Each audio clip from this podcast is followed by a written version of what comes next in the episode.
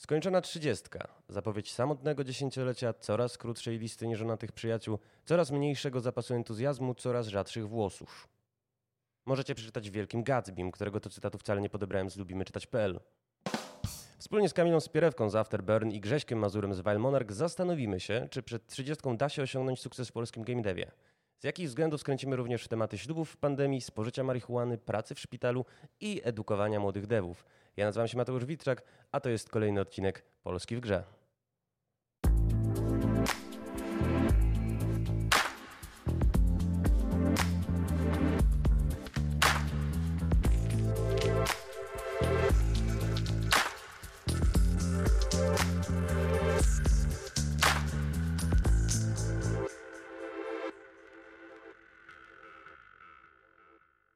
Moją i Państwa gościnią jest Kamila Rusiecka, szefowa Afterburn.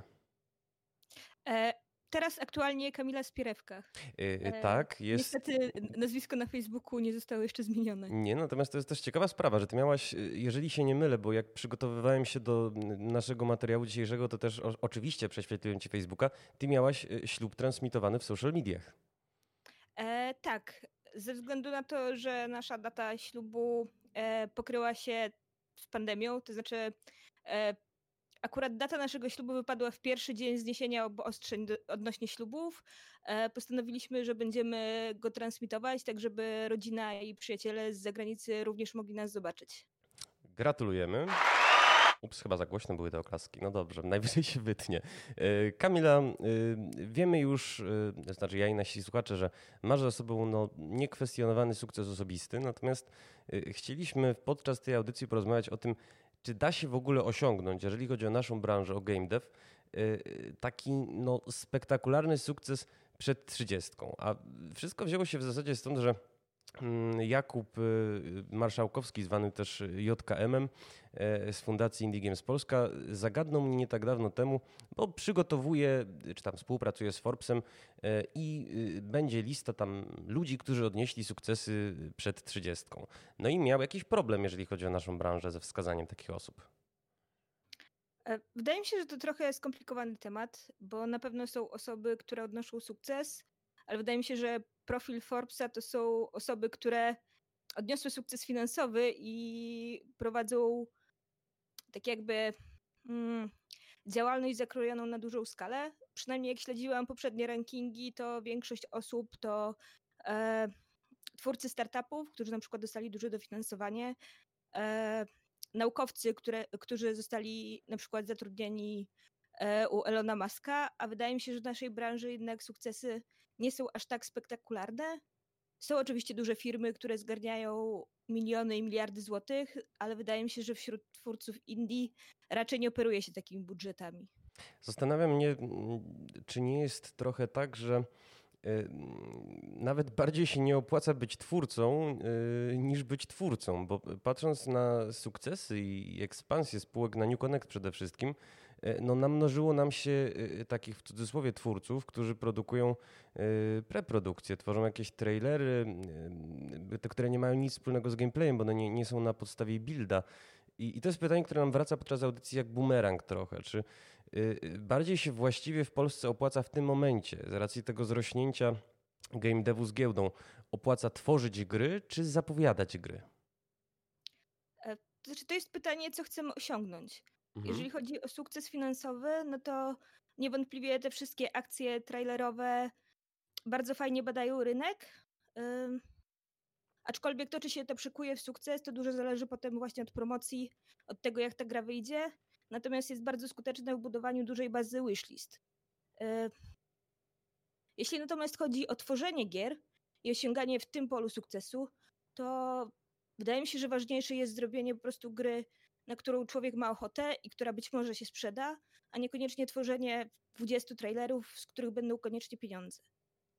No wyjdziecie bardzo bezkompromisowo mm, swoją drogą. Faktycznie tworzycie gry, a nie, y, nie zapowiadacie, że stworzycie. Y, bardzo mnie ciekawi Twoja droga. Y, to znaczy, mm, niedyskretnie zapytać, ale ze względu na tematykę audycji muszę. Powiedz mi, Kamila, w jakim Ty jesteś wieku? Teraz 25 sierpnia będę miała skończone 29 lat. No więc jesteś w idealnym wieku, żeby e, w tej audycji wziąć e, udział. I powiedz mi, e, jak ty się w ogóle do game devu dostałaś? Bo ja wiem, że ty też rozwijasz się dwutorowo, jesteś też lekarzem stażystą. Tak, w sensie nie wiem, czy moja historia jest dość niezwykła, ale pracując w game devie nie mam praktycznie żadnego wykształcenia kierunkowego. Skończyłam filmoznawstwo na Uniwersytecie Łódzkim i w zeszłym roku skończyłam Uniwersytet Medyczny, e, po którym mam właśnie tytuł lekarza. E, a moja przygoda z game zaczęła się od tego, że e, kiedy mój chłopak, później narzeczony, obecnie mąż, zdecydował się na odejście z CDP-u, myślał o tym, żeby założyć swoją firmę. A prowadzenie właśnie własnej działalności to było coś, co mnie interesowało od jakiegoś czasu, więc stwierdziłam, że po prostu mu pomogę żeby ogarnąć takie rzeczy organizacyjno-biznesowe. E, po czym, kiedy już zaczęliśmy rzeczywiście pracować nad grami, okazało się, że nie trzeba koniecznie mieć wykształcenia po to, żeby robić gry. Święta racja. Ty jesteś level designerką, jeżeli się nie mylę. E, jak w takim razie, bo to jest może takie pytanie, które powinniśmy sobie zadać, jak e, zdobywać wiedzę? Jeżeli jest młoda osoba, która chciałaby do tego game devu wejść, to skąd powinna czerpać, gdzie powinna chodzić, u kogo powinna tej wiedzy szukać? E, wydaje mi się, że przede wszystkim fajną alternatywą do nauki są game jamy. Nasza firma trochę wywodzi się z game jamów do tej pory zrobiliśmy jakieś takie 6-7 małych projektów, które oczywiście nigdy potem nie zostały przekute w nic większego, ale to jest fajna okazja do tego, żeby się nauczyć, jak działają programy, jak się pracuje w takim środowisku, co w ogóle można robić przy grze, kiedy się w... próbuje wejść w tą branżę. Jeśli chodzi o, taki, o taką naukę level designu, to u mnie trochę wyszło to naturalnie, w sensie nie miałam jakichś takich podstaw książkowych, po prostu e, nasz pierwszy pomysł na grę, Golf Pix, był mhm. na tyle interesujący, że po prostu usiadłam i zaczęłam sobie na kartce rysować możliwe poziomy. I później musiałam się oczywiście nauczyć, jak te poziomy zamienić na zera i jedynki, które potem wkładałam do Unity. No ale tak naprawdę jedyne, czego potrzebowałam, to kartki papieru i długopisu. Innymi słowy, poczułaś, e, poczułaś zew i tak zostałaś e, level designerką. Kamila, powiedz mi, bo zahaczyliśmy tutaj o bardzo istotną kwestię. To znaczy, ty nie masz formalnego wykształcenia, natomiast y, tak naprawdę niewielu znam devów, którzy mają. I nawet pamiętam na PGA ubiegłorocznym, y, czy na GIK-u, przepraszam, odbywał się taki kongres sektor gier, nauka, edukacja plus przemysł. No i zamysł organizatorów był taki, żeby te dziedziny jakoś ze sobą połączyć, jakoś je zbliżyć. E, natomiast y, no, pojawiały się głosy i to rzeczywiście wracało, że na uczelniach nie uczą praktycy i nawet jeżeli są, nie wiem, wybitni naukowcy, to oni po prostu nie znają pipeline'ów, nie znają procesów, nie znają potrzeb game devu. Z drugiej strony pojawiły się też takie no, zarzuty, no, ale w zasadzie takie od devów w stronę devów, że trudno jest wydelegować nawet osobę na uczelnię. Trudno jest poświęcić te parę rąk w momencie, kiedy wszystkie ręce powinny być na pokładzie i pracować i działać, bo goni, goni deadline, zaraz milestone trzeba zaliczać. E, znaczy, wydaje mi się, że jeżeli ktoś idzie na uczelnię po to, żeby nauczyć się, jak robić gry, to raczej za wiele mu to nie pomoże, bo uczelnia to przede wszystkim możliwości i poznawanie ludzi, praca własna, niekoniecznie uczenie się od początku, jak zrobić grę. Znaczy, nie wiem jak na innych uczelniach, akurat e, w Łodzi Politechnika Łódzka e, prowadzi to w dość dobry sposób, gdzie zaliczeniem semestru jest zrobienie projektu w grupie, który ma być pełnoprawną grą. Więc to jest takie w miarę fajne przygotowanie, ale wiadomo, przygotowanie gry to nie jest wydanie gry, to nie są rozmowy z inwestorami, z publisherami. Także wydaje mi się, że jeśli ktoś wie, czego chce od uczelni, to jeśli pójdzie na studia, to to dostanie. Ale jeżeli ktoś idzie z myślą, że pójdzie i ktoś wdroży mu tą wiedzę, zmusi go do tego tak naprawdę, żeby zrobił własną grę, to równie dobrze mógłby po prostu zacząć pracować i wtedy zdobędzie więcej doświadczenia. E, pytanie jeszcze, gdzie pracować? Bo właśnie wspomniany JKM, Jakub Marszałkowski, który jest takim spiritus movens naszego dzisiejszego spotkania, e, stwierdził, że no, po, po, prostu sukces y, taki rzeczywiście widoczny, mierzalny jest możliwy do osiągnięcia w wieku 31-32 lat, bo najpierw trzeba nie tylko zaliczyć 5 lat uczelni, niekoniecznie zresztą uczelni związanej w jakikolwiek sposób z game devem. Natomiast y, potem trzeba zapłacić frycowe i iść do jakiegoś y, CDP-u na 3 lata tyrki. E, niekoniecznie zgadzam się z tą opinią. E, mamy trochę znajomych twórców, którzy są jeszcze młodsi od nas. E, moim ulubionym przykładem jest gra Salio, która wydaje mi się, że dwa lata temu albo trzy lata temu była gdzieś na stoisku fundacji e, właśnie na PGA i stworzyli ją dwaj licealiści. Wtedy chyba jeszcze niepełnoletni i to była naprawdę świetnie zrobiona gra, w sensie grafika była bardzo prosta, bo była pikselowa, ale to jak przekuli design w e, odczucie bardzo dobrego platformera e, nie zdarza się aż tak często. W sensie nawet teraz, jak platformery są tworzone, to to jest bardziej nastawienie na grafikę, a niekoniecznie nastawienie na gameplay. I to są, e, to jest właśnie team dwóch chłopaków, którzy nigdy wcześniej nie wydali żadnej gry, nie pracowali nigdzie i całą wiedzę, którą uzyskali, tak naprawdę wzięli z internetu. No tak, tylko y, faktycznie, bo nawet sobie teraz, y, kiedy mówiłaś, wszedłem na y, Steama Salio, bo rzeczywiście gra została wydana i to ponad rok temu. Natomiast ma raptem cztery recenzje użytkowników. Trudno tutaj mówić o sukcesie, który rzeczywiście sprawiłby, że trafiliby na okładki Forbesa. Pomysł jest ciekawy, natomiast czy nie jest trochę tak, że ten młody, aspirujący twórca musi iść na jakiś cudzy garnuszek, żeby troszkę się e, nauczyć w ogóle z czym to się je, poznać know-how.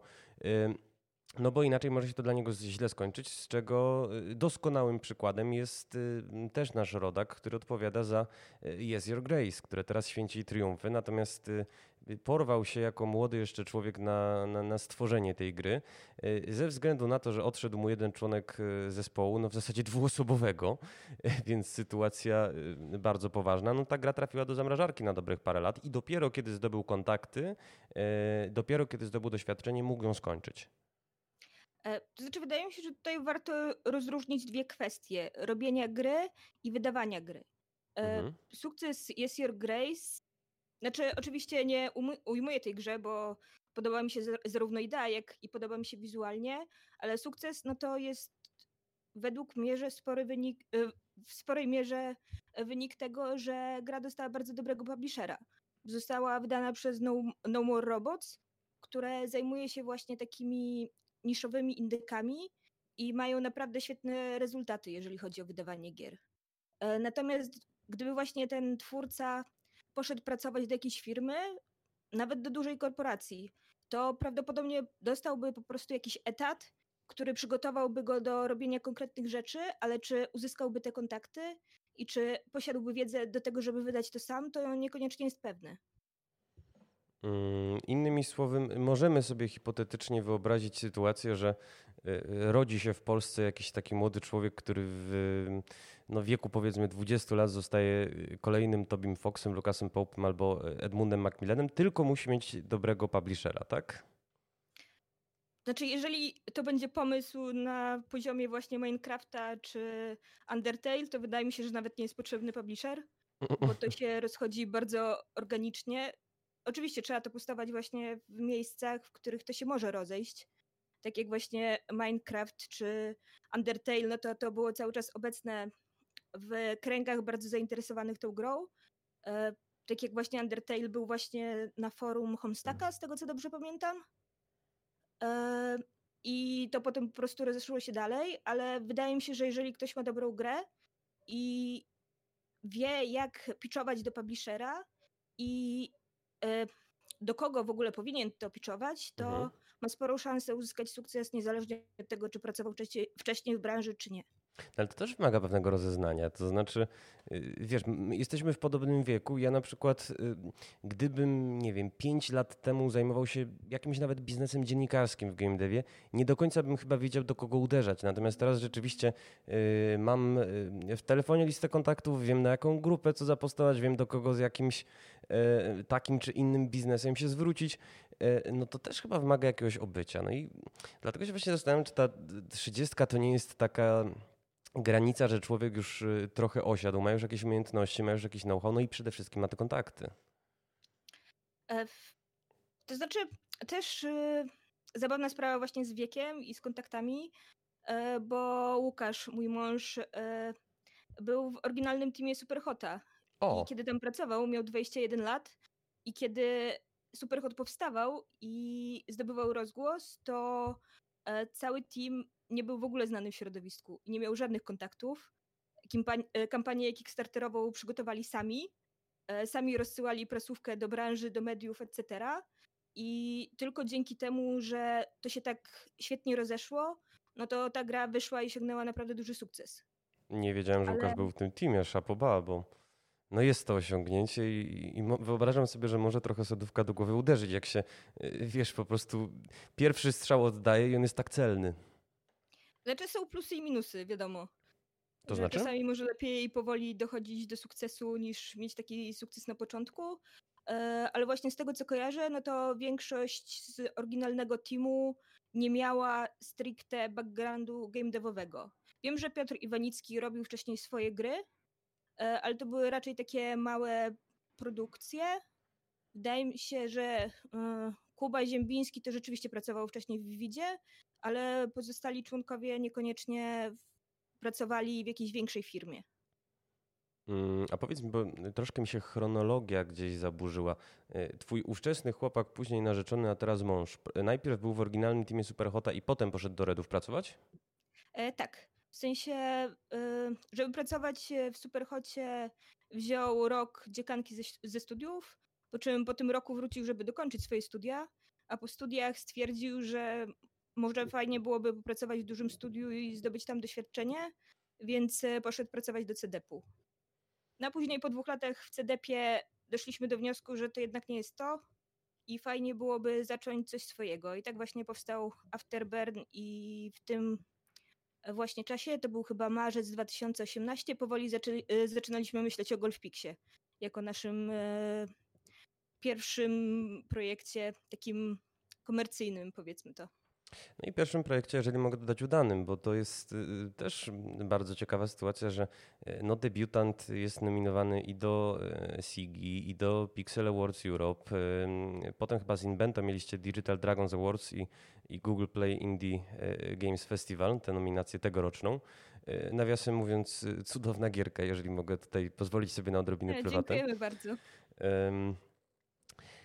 Jeszcze jest jedna kwestia, która mnie zastanawia, trochę krążę wokół tego tematu, natomiast no, muszę Cię zapytać o taką kwestię, która jest mi trochę nie w smak. To znaczy, jak rozmawialiśmy o Forbesie i o rankingu Forbesa. Otóż w czerwcu Forbes opublikował inny ranking. To był ranking y, najszybciej bogacących się Polaków w pandemii. No i na tej liście, y, na czele zresztą tej listy, był Paweł Marchewka, prezes Techlandu Niżej no, Iwiński, Kiciński, Nielubowicz, Popowicz, y, Kostowski, e, no i y, duet Kojecki i Kwiatek z Kripiczarów, w którym teraz bardzo dobrze e, Greenhell wyskoczył. Chyba jeszcze był Pernal, bo tak jak, jak ten skład, no to Pernal i Popowicz.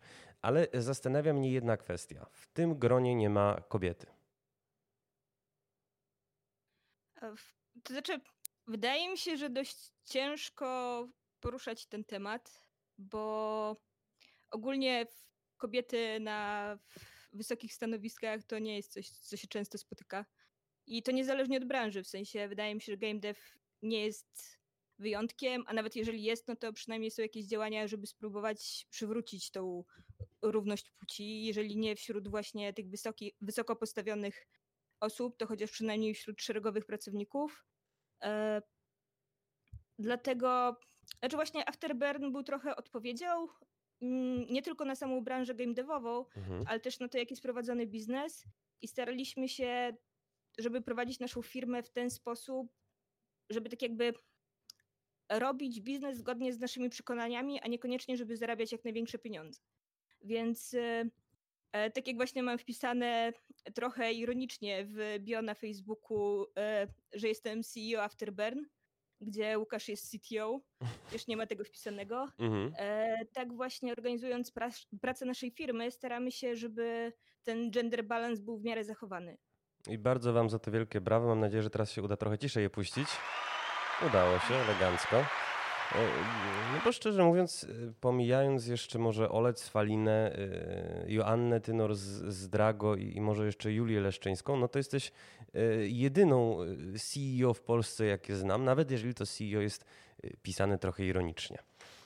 A jak, co możemy zrobić, żeby zwiększyć obecność kobiet, nawet nie tyle w game devie jako takim, ale na tych kluczowych stanowiskach? Znaczy, wydaje mi się, że dość ważne są kwestie socjalne. Znaczy, nie będę ukrywać, że mhm. moje poglądy są bardzo lewicowe, e, ale wydaje mi się, że gdyby przystosowanie pracy do kobiet było lepsze, to po prostu więcej kobiet szłoby w kierunku rozwijania swojej kariery. E, w sensie jedną z rzeczy, o których myślę, to, to, e, to są na przykład obowiązkowe urlopy macierzyńskie które są równo podzielone między ojca i matkę i wtedy nigdy nie ma tego argumentu, że co jeśli zatrudnię kobietę, ona pójdzie na macierzyński i wtedy będzie mi smutno. E, inną kwestią są na przykład e, żłobki przy pracach, które nie wiem, czy w ogóle istnieją w branży game devowej. Huh. Kiedyś miały się bardzo dobrze.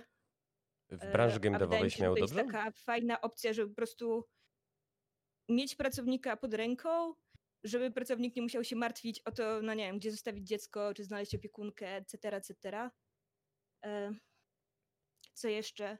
Czy wydaje mi się, że po prostu im więcej kobiet się zatrudnia, to też więcej kobiet chce pracować w branży.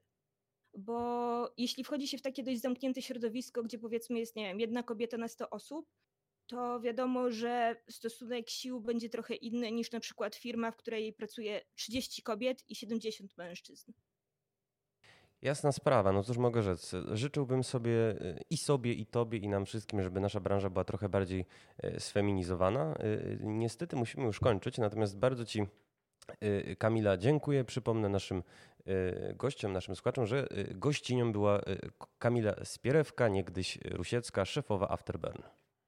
Dziękuję bardzo.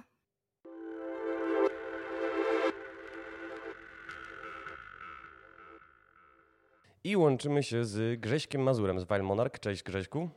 Cześć. E, Grześku drogi, ty jesteś Wild Monarch e, kobosem. To jest e, bardzo urocze określenie, ale co właściwie oznacza?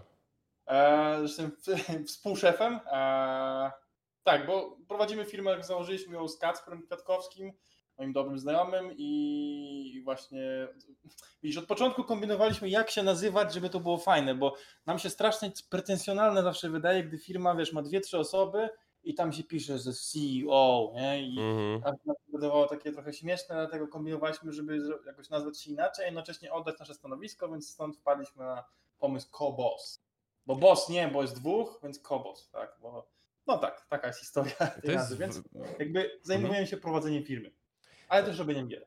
Y, do robienia gier zaraz przyjdziemy. Y, nawiasem mówiąc, zawsze Tomek Gorochowiak, bo parę razy z nim miałem okazję przy różnych tekstach współpracować, y, naciskał wręcz, żeby go jakimś szefem nie tytułować, tylko po prostu jakiś tam ładny eufemizm znaleźć. Ale wy w ogóle jesteście ciekawym studiem. To znaczy, do portfolio zaraz przyjdziemy, ale już na waszych stronach znajduję takie określenie, że wy jesteście studiem hard rockowym.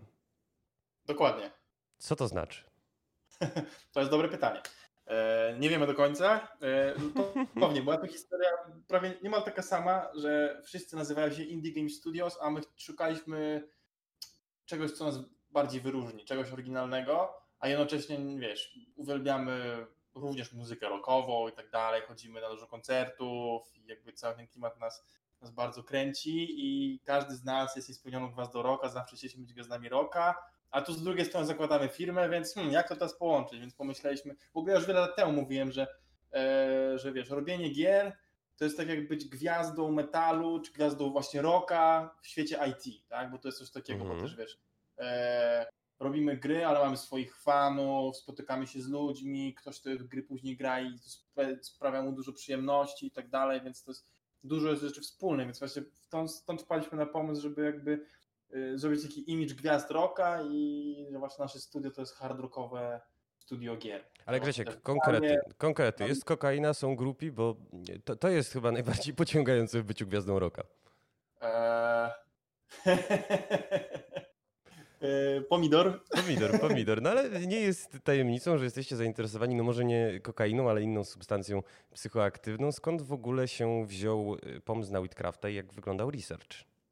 E, pomysł na Whitcrafta przyszedł od wydawcy, od Devolvera. Devolver od bardzo wielu lat chciał zrobić grę na temat marihuany, ponieważ no, oni żyją w Stanach Zjednoczonych i on, jakby są blisko sytuacji rynku marihuany w Stanach, bo to jest dosyć ciekawy, bardzo ciekawy temat nadal, bo w wielu Stanach jest ta marihuana legalna, czy no, w coraz większej liczbie jakby jest legalna rekreacyjnie, w kilku jest legalna medyczna, a w kilku jest w ogóle nielegalna, czy w większości jest nielegalna. Teraz nie pamiętam jaka jest sytuacja dzisiaj, ale i tam jest dużo jakby debaty publicznej, dużo jakby rozmów, czy powinniśmy legalizować w niektórych stanach, jeżeli tak, to w jaki sposób, jak powinny wyglądać prawa, zasady, no i teraz w każdym stanie to inaczej działa, no bo w zależności od tego, czy to jest legalne, czy nie, to marihuana wszędzie jest, tak, i mm. hoduje się w pewien sposób taki albo siaki, tak, i przykładowo w legalnym biznesie to są ogromne jakieś plantacje, jest dużo technologii tam, to jest fajnie rozwinięte, no wiadomo, tam gdzie jest to nielegalne, to no to jest gdzieś tam to pokątnie robione. I to jest ciekawy temat, bo właśnie jak słuchaliśmy w ogóle, jak oni opowiadali o tym, bo że Devolver sporo zna ludzi, którzy siedzą w branży tej legalnej, znają prawników. Devolver zna ludzi, którzy siedzą w branży marihuany. No przyznam, że nie jestem zaskoczony. E, no właśnie, więc są ekspertami. No właśnie znają dużo ludzi z branży. E, jak słuchaliśmy jakby wypowiedzi ich i tego, jak to w ogóle wszystko działa, funkcjonuje, czy to nie wiem, są rozmowy z politykami i tak dalej, to po prostu dosłownie słychać było pomysłu na mechaniki gry, jak to dokładnie może działać, tak? A, a więc, y, no i zaczęliśmy gadać my z nimi, tak? I okazało się, że to zaklikało, bo e, my chcieliśmy pójść właśnie też w gry managementowe i jakby zbadać ten, ten, ten teren. Poza tym temat jest ciekawy dla nas. E, nie to, że z powodu tego, że używamy, ale, ale jest to po prostu ciekawy temat, bo jakby my też taką stronę chcieliśmy dążyć, żeby grami opowiadać jakieś historie, coś ciekawego, trochę się tego nauczyć na War wcześniej. Więc jakby chcieliśmy w stronę tą, tą iść, żeby coś ciekawego tymi grami opowiedzieć. No to to był dla nas idealny temat, bo to jest jakby temat marihuany to jest coś, co obrosło bardzo mocno mitami, jest bardzo dużo jakby bzdur na ten temat, a jakby robiąc grę na ten temat mieliśmy okazję, żeby pokazać ludziom, jak to naprawdę działa, że to jest, tak naprawdę to nie jest dyskusja na temat tego, czy to jest etyczne, czy nie, tylko to jest normalna używka, która jest, nie wiem, dużo mniej ma wpływu na życie ludzi niż na przykład alkohol, a jest legalna lub nielegalna z, jakby z względów w ogóle ekonomicznych. Jakby są lobby, które jak tam lobbują w jedną lub w drugą stronę i to chodzi tylko i wyłącznie pieniądze, a nie o to, czy to jest e, wiesz, dobre dla ludzi, czy nie. Więc chcieliśmy jakby tą stronę też pokazać. No i to fajnie wyszło, więc... Fajnie wyszło, zresztą z, to się wzięło? ze swojej strony po odpaleniu e, FIFA i Lola polecam odpalenie Whitcrafta. Słowo klucz odpalenie. Tak jest. Powiem tak, my się bardzo tą grą jaramy. Grzegorzu, bardzo nam się miło rozmawia, natomiast y, tak z niepokojem zerkam na zegarek, musimy trochę przejść do y, no, dzisiejszej audycji. Y, powiedz mhm. mi, w jakim ty jesteś wieku? I w jakim jestem wieku? 31,5. 31,5 czy 30,5? 31,5. 31,5. No to jeszcze się łapiesz, bo... Podobnie. Ja zaraz to wyjaśnię. Dobrze, dobrze, zaraz w takim razie y, przejdziemy. Y, pytam dlatego, że y, no, dzisiejsza audycja jest pokłosiem takiego trochę wyzwania, jakie mi rzucił Jakub Marszałkowski, JKM, który stwierdził, że najniższy próg osiągnięcia sensownego sukcesu w naszej branży w Polsce to około 31-32 lata. Czy ty się z takim stwierdzeniem mhm. zgadzasz? Um, patrząc po ludziach i o tym, co, co robią i po sobie, mogę powiedzieć, że tak. Jakby to nie jest oczywiście, że wszyscy tak, tak mają, ale rzeczywiście trochę lat trzeba te gry porobić i trochę tu czasu poświęcić, żeby, no żeby do czegoś tam dojść. To, to z tym się zgadzam jednak. E, a jak wyglądała Twoja droga? Bo to też nie jest tak, że Ty się jakby pojawiłeś w Wild Monarch e, niespodziewanie i to był Twój debiut, e, ale też wiem, że pracowałeś w Eleven Beat Studios, no i masz pewne doświadczenie jako wykładowca. Tak, więc jakby ta droga była długa i, no i właśnie stąd się wzięło te 30 parę lat, żeby tam osiągnąć coś fajnego, czym się można bardziej pochwalić, coś własnego. Właśnie zajęło wiele lat. Jakby zaczęło się od, zaczęło się w ogóle od dzieciństwa, tylko jakby ja nie robiłem w dzieciństwie, go zawsze chciałem. Jakby komputer mnie jarał i gry mnie strasznie interesowały, a zawsze jak coś używałem, to bardzo chciałem nauczyć się jak to można zrobić, tak? tak w muzyce zacząłem grać na gitarze, a w grach zawsze chciałem zacząć robić gry. E, ale takie konkrety to się wydarzyły dopiero na studiach. Poszedłem na studia na informatykę na Politechnikę Warszawską i już będąc na tych studiach stwierdziłem, dobra, ja nie jestem w stanie robić, nie wiem, aplikacji biznesowych, baz danych i tak dalej, bo to jest strasznie nudne dla mnie i jakby gry to jest jedyny kierunek, który, który, który mnie interesuje właśnie od strony właśnie tej inżynierskiej i, i programowania, więc tam się zaczęło. Bardzo wcześnie na studiach trafiłem na fajnych ludzi, którzy właśnie byli zajarani grami. My założyliśmy e, koło naukowe, ja nie pamiętam, chyba na drugim roku wtedy byłem, założyliśmy koło naukowe twórców gier Polygon, które do dziś istnieje i super prężnie działa i to jest świetne. Jakby ja, założycielem był mój, mój kolega, z którym później ja współpracowałem też e, jakby w pierwszej firmie, w której pracowałem. Więc jakby to wszystko się mnie rozkręciło na studiach, tylko to było bardzo amatorskie oczywiście. Tak? Z jednej strony się uczyłem, jak robić to oprogramowanie porządnie, a z drugiej strony gry powstawały amatorsko. E, zaraz potem właśnie przez to koło dołączyłem do zespołu, który już tak półprofesjonalnie robił gry. E, I tam się jakby nauczyłem bardzo dużo, jak przenieść te rzeczy ze studiów na, na realne robienie gier. No ale już taka prawdziwa, prawdziwa praca, prawdziwy game dev z doświadczeniem, to, właśnie było Eleven Studios, do których udało mi się właśnie dołączyć po tym, jak zdobyłem doświadczenie w tej poprzedniej filmie. E, no i tak, w bitach spędziłem 4 lata, nie wiem, 4 lata, tak. No ale jakby przez cały okres bycia w bitach, jakby tam się ogromnie dużo nauczyłem, to w ogóle świetna sprawa i tam poznałem bardzo wielu ludzi, ale przez cały ten czas jakby cały czas miałem z tyłu głowy, że coś tam chciał kiedyś robić samemu, bo jakby, to też w sumie od dziecka miałem coś takiego, że chciałem mieć swoją firmę, jakby to rozkręcać samodzielnie, no i tylko czekało to na odpowiedni moment, bo ja takie podejścia robiłem co roku, jakieś tam swoje gry próbowałem, próbowałem robić, tylko nigdy mi nigdy nie miałem wystarczająco doświadczenia i jakby wiedzy, jak to robić porządnie. Ja też nie chciałem, nie wiem, zrywać się z pracy i rzucać się na jakby na głęboką wodę, a potem nie mieć co jeść, tak? I znowu musieć wracać do pracy. Więc będąc w Bitach, spędzałem tam 4 lata, um, jakby poznałem sporo ludzi, na przykład Kacpra, z którym właśnie dzisiaj prowadzimy Wild Monarch i jakby czekaliśmy na odpowiedni moment i yy, premiera This War of Mine, który raz, że mnie ten development bardzo dużo nauczył, a dwa, że jakby była, no, jest ogromnym wydarzeniem tak w branży gier i to nam jakby dużo dało fejmu i otworzyło wiele drzwi bo chcieliśmy jakby zacząć biznes, który będzie jakby od początku stabilny, więc szukaliśmy.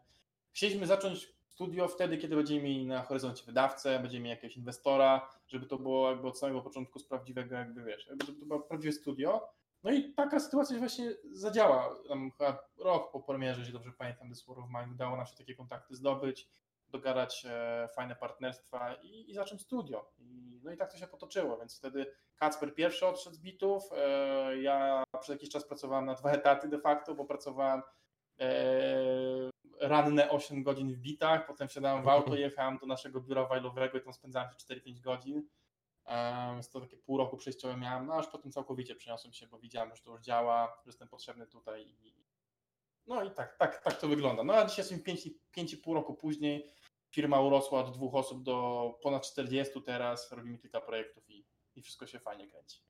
Bardzo wiele wątków poruszyłeś, nawet nie wiem od czego zacząć. Może zacznijmy od edukacji, bo to jest y, kwestia, która nam wraca w bardzo różnych audycjach, z bardzo różnymi gośćmi o tym rozmawiamy. Y, czego Twoim zdaniem brakuje na uczelniach wyższych? Bo wiem, że Ty się zorganizowałeś rzeczywiście, czy Wyście się zorganizowali, stworzyliście poligon, który, no, jak wspomniałeś, prężnie działa do dzisiaj. Jest trochę takim łowiskiem różnych, różnych mhm. zespołów, które sobie szukają młodych talentów. E, natomiast dlaczego, dlaczego nie ma praktyków w tej branży, w, na uczelniach wyższych i, i co mógłbyś no, ze swojego doświadczenia e, doradzić na tym szczeblu edukacyjnym, co się powinno zadziać? Znaczy właśnie no, to jak w sumie powiedziałeś, że jakby najwyższy brak, największy brak na uczelniach wyższych E, pod kątem game devu jest to, że oni są oderwani od branży zupełnie i tam mało kto w ogóle z branży wykłada. Są jakieś tam wyjątki na niektórych uniwersytetach, są jakieś zaproszenia ludzi z, z branży, ale by tego brakuje, bo na przykład na elektronice, w sumie nie wiem jak jest dzisiaj, ale jak ja byłem na studiach tam, no to był na przykład człowiek, który się od lat jakby tam jara grami, on prowadził w ogóle kierunki pod gry, ale on w życiu żadnej gry nie zrobił. On jakby zna no. technologię, nie wiem, potrafi pisać shadery, ale nie wie jak się robi gry de facto, więc jakby no robienia gier powinni uczyć twórcy gier, a nie jakby akademicy, tak? E, więc jakby tą niszę wypełnia lub coraz bardziej zaczynają wypełniać niektóre uczelnie, typu właśnie szkoła filmowa, w której ja wykładałem, bo tam de facto wykładają tylko i wyłącznie twórcy gier, z, po prostu z konkretnych firm. E, czy mamy, nie wiem, GDS, gdzie to też są przecież najlepsi ludzie z branży opowiadają, mamy Polsko-Japońską Akademię. Nie, Zawsze się też mylę. tak, to jest właśnie do zwiastu. E, dokładnie. Polską, polską szkołę, gdzie tam przynajmniej byli, ale wydaje mi się, cały czas są ludzie z branży od nas, więc to też działa fajnie. Więc jakby, żeby na uczelni to zadziałało dobrze, no to muszą być po prostu ludzie, którzy robią gry, tak? Bo jakby akademickie podstawy e, typu, nie wiem, programowanie i tak dalej, no to spoko, dadzą jakieś podstawy, ale one nie nauczą robić gier, tak? No w tym sęk właśnie, tylko pytanie, czy w zasadzie studiu się opłaca wydelegowywać jakiegoś pracownika, żeby został y, no w zasadzie na pół etatu akademikiem i, i nie pracował nad grą? To się może opłacić. E, znaczy raz, że to nie musi być pół etatu często, bo, bo na przykład u nas, u nas do dziś niektórzy właśnie wykładają w szkołach, w, na uczelniach i to zwykle jest, nie wiem, jeżeli to jest prowadzenie nowego przedmiotu, to, to są zajęcia raz w tygodniu, powiedzmy przez parę godzin, więc to jest urwanie kilku godzin więc jakby ta inwestycja po tej stronie nie jest duża. Mm, no szczególnie, że u nas to ludzie robią raczej w ramach własnego czasu, tak? bo też dostają wynagrodzenie wtedy od szkoły, więc to jest jakby dodatkowa praca, na którą my się godzimy, to jest świetna sprawa, e, ponieważ opłaca nam się y, to w tą stronę, że jakby no, doglądamy tych talentów tam, tak? że jakby możemy od razu zobaczyć jak, co kto umie, w jaki sposób się rozwijają ci E, studenci i tych ludzi po prostu zatrudniać później, oferować im pracę i u nas takich przypadków było bardzo wiele. My sporo ludzi wciągnęliśmy jakby z naszych przeszłych czy obecnych e, studentów. Jesteśmy mega zadowoleni z nich, bo jakby no, to był taki jakby długi okres próbny, czy długi, długie zadanie testowe właśnie, na te, możemy wtedy traktować te studia, no i jak, to, jak sobie ktoś radzi, no to wtedy możemy go zaprosić do pracy, więc to jest jakby w tą stronę inwestycja świetna, szczególnie, że teraz na rynku jest bardzo duża konkurencja na rynku pracy o pracowników, tak? Jest trudno znaleźć dobrych ludzi. I jakby samo to zbadanie, czy człowiek się nadaje do pracy, czy nie, szczególnie na tym poziomie powiedzmy początkowym, juniorskim, no jest też inwestycją, tak? Więc w szkole, jak to nauczamy kogoś, to jakby to już jest w pewnym, w pewnym sensie za darmo. Więc moim zdaniem się opłaca, żeby studia właśnie oddelegowywały, czy pozwalały swoim pracownikom na to, żeby wykładać. Pozostaje mi temu postulatowi przyklasnąć. Ale zadam pytanie jeszcze podchwytliwe. Czy nie dałoby się trochę tej drogi y, do no, jakiegoś y, sukcesu w, w game devie skrócić? To znaczy, czy y, w zasadzie nie można by tego etapu studiów wyższych pominąć i czy młody człowiek po prostu trochę niesiony jakimś takim duchem nie wiem, demosceny z braku lepszej analogii, nie mógłby po prostu zaraz po ukończeniu edukacji na poziomie średnim ruszyć w game dev? Jak najbardziej może. To właśnie piękne w tej branży, że to się da zrobić, tak? Tylko taka osoba po prostu musi. Znaczy, zawsze jak mnie ktoś pyta, co zrobić, że zacząć robić gry, ja mówię, zacząć robić gry. To jest jakby nie ma prostszej drogi. Simple as that. Jakby studia takie, takie jakby ogólne, typu, nie wiem, informatyka na, na uniwersytecie, ona jakby zajmie bardzo wiele czasu, bo to jest tam 4-5 lat studiów, czego powiedzmy 20% się później wykorzysta e, w pracy i to jest może inwestycja, która się nie opłaca właśnie, tak? Więc e, jak najbardziej ktoś, nie wiem, kto skończy, nie wiem, liceum i ściągasz Unity, Unreal'a, siadasz z tutorialami, jedziesz i się uczysz tego, tak? Jest masa kursów. W internecie jest w ogóle straszna teraz wielka ilość e, e, kursów i materiałów. Można się uczyć od najlepszych ludzi.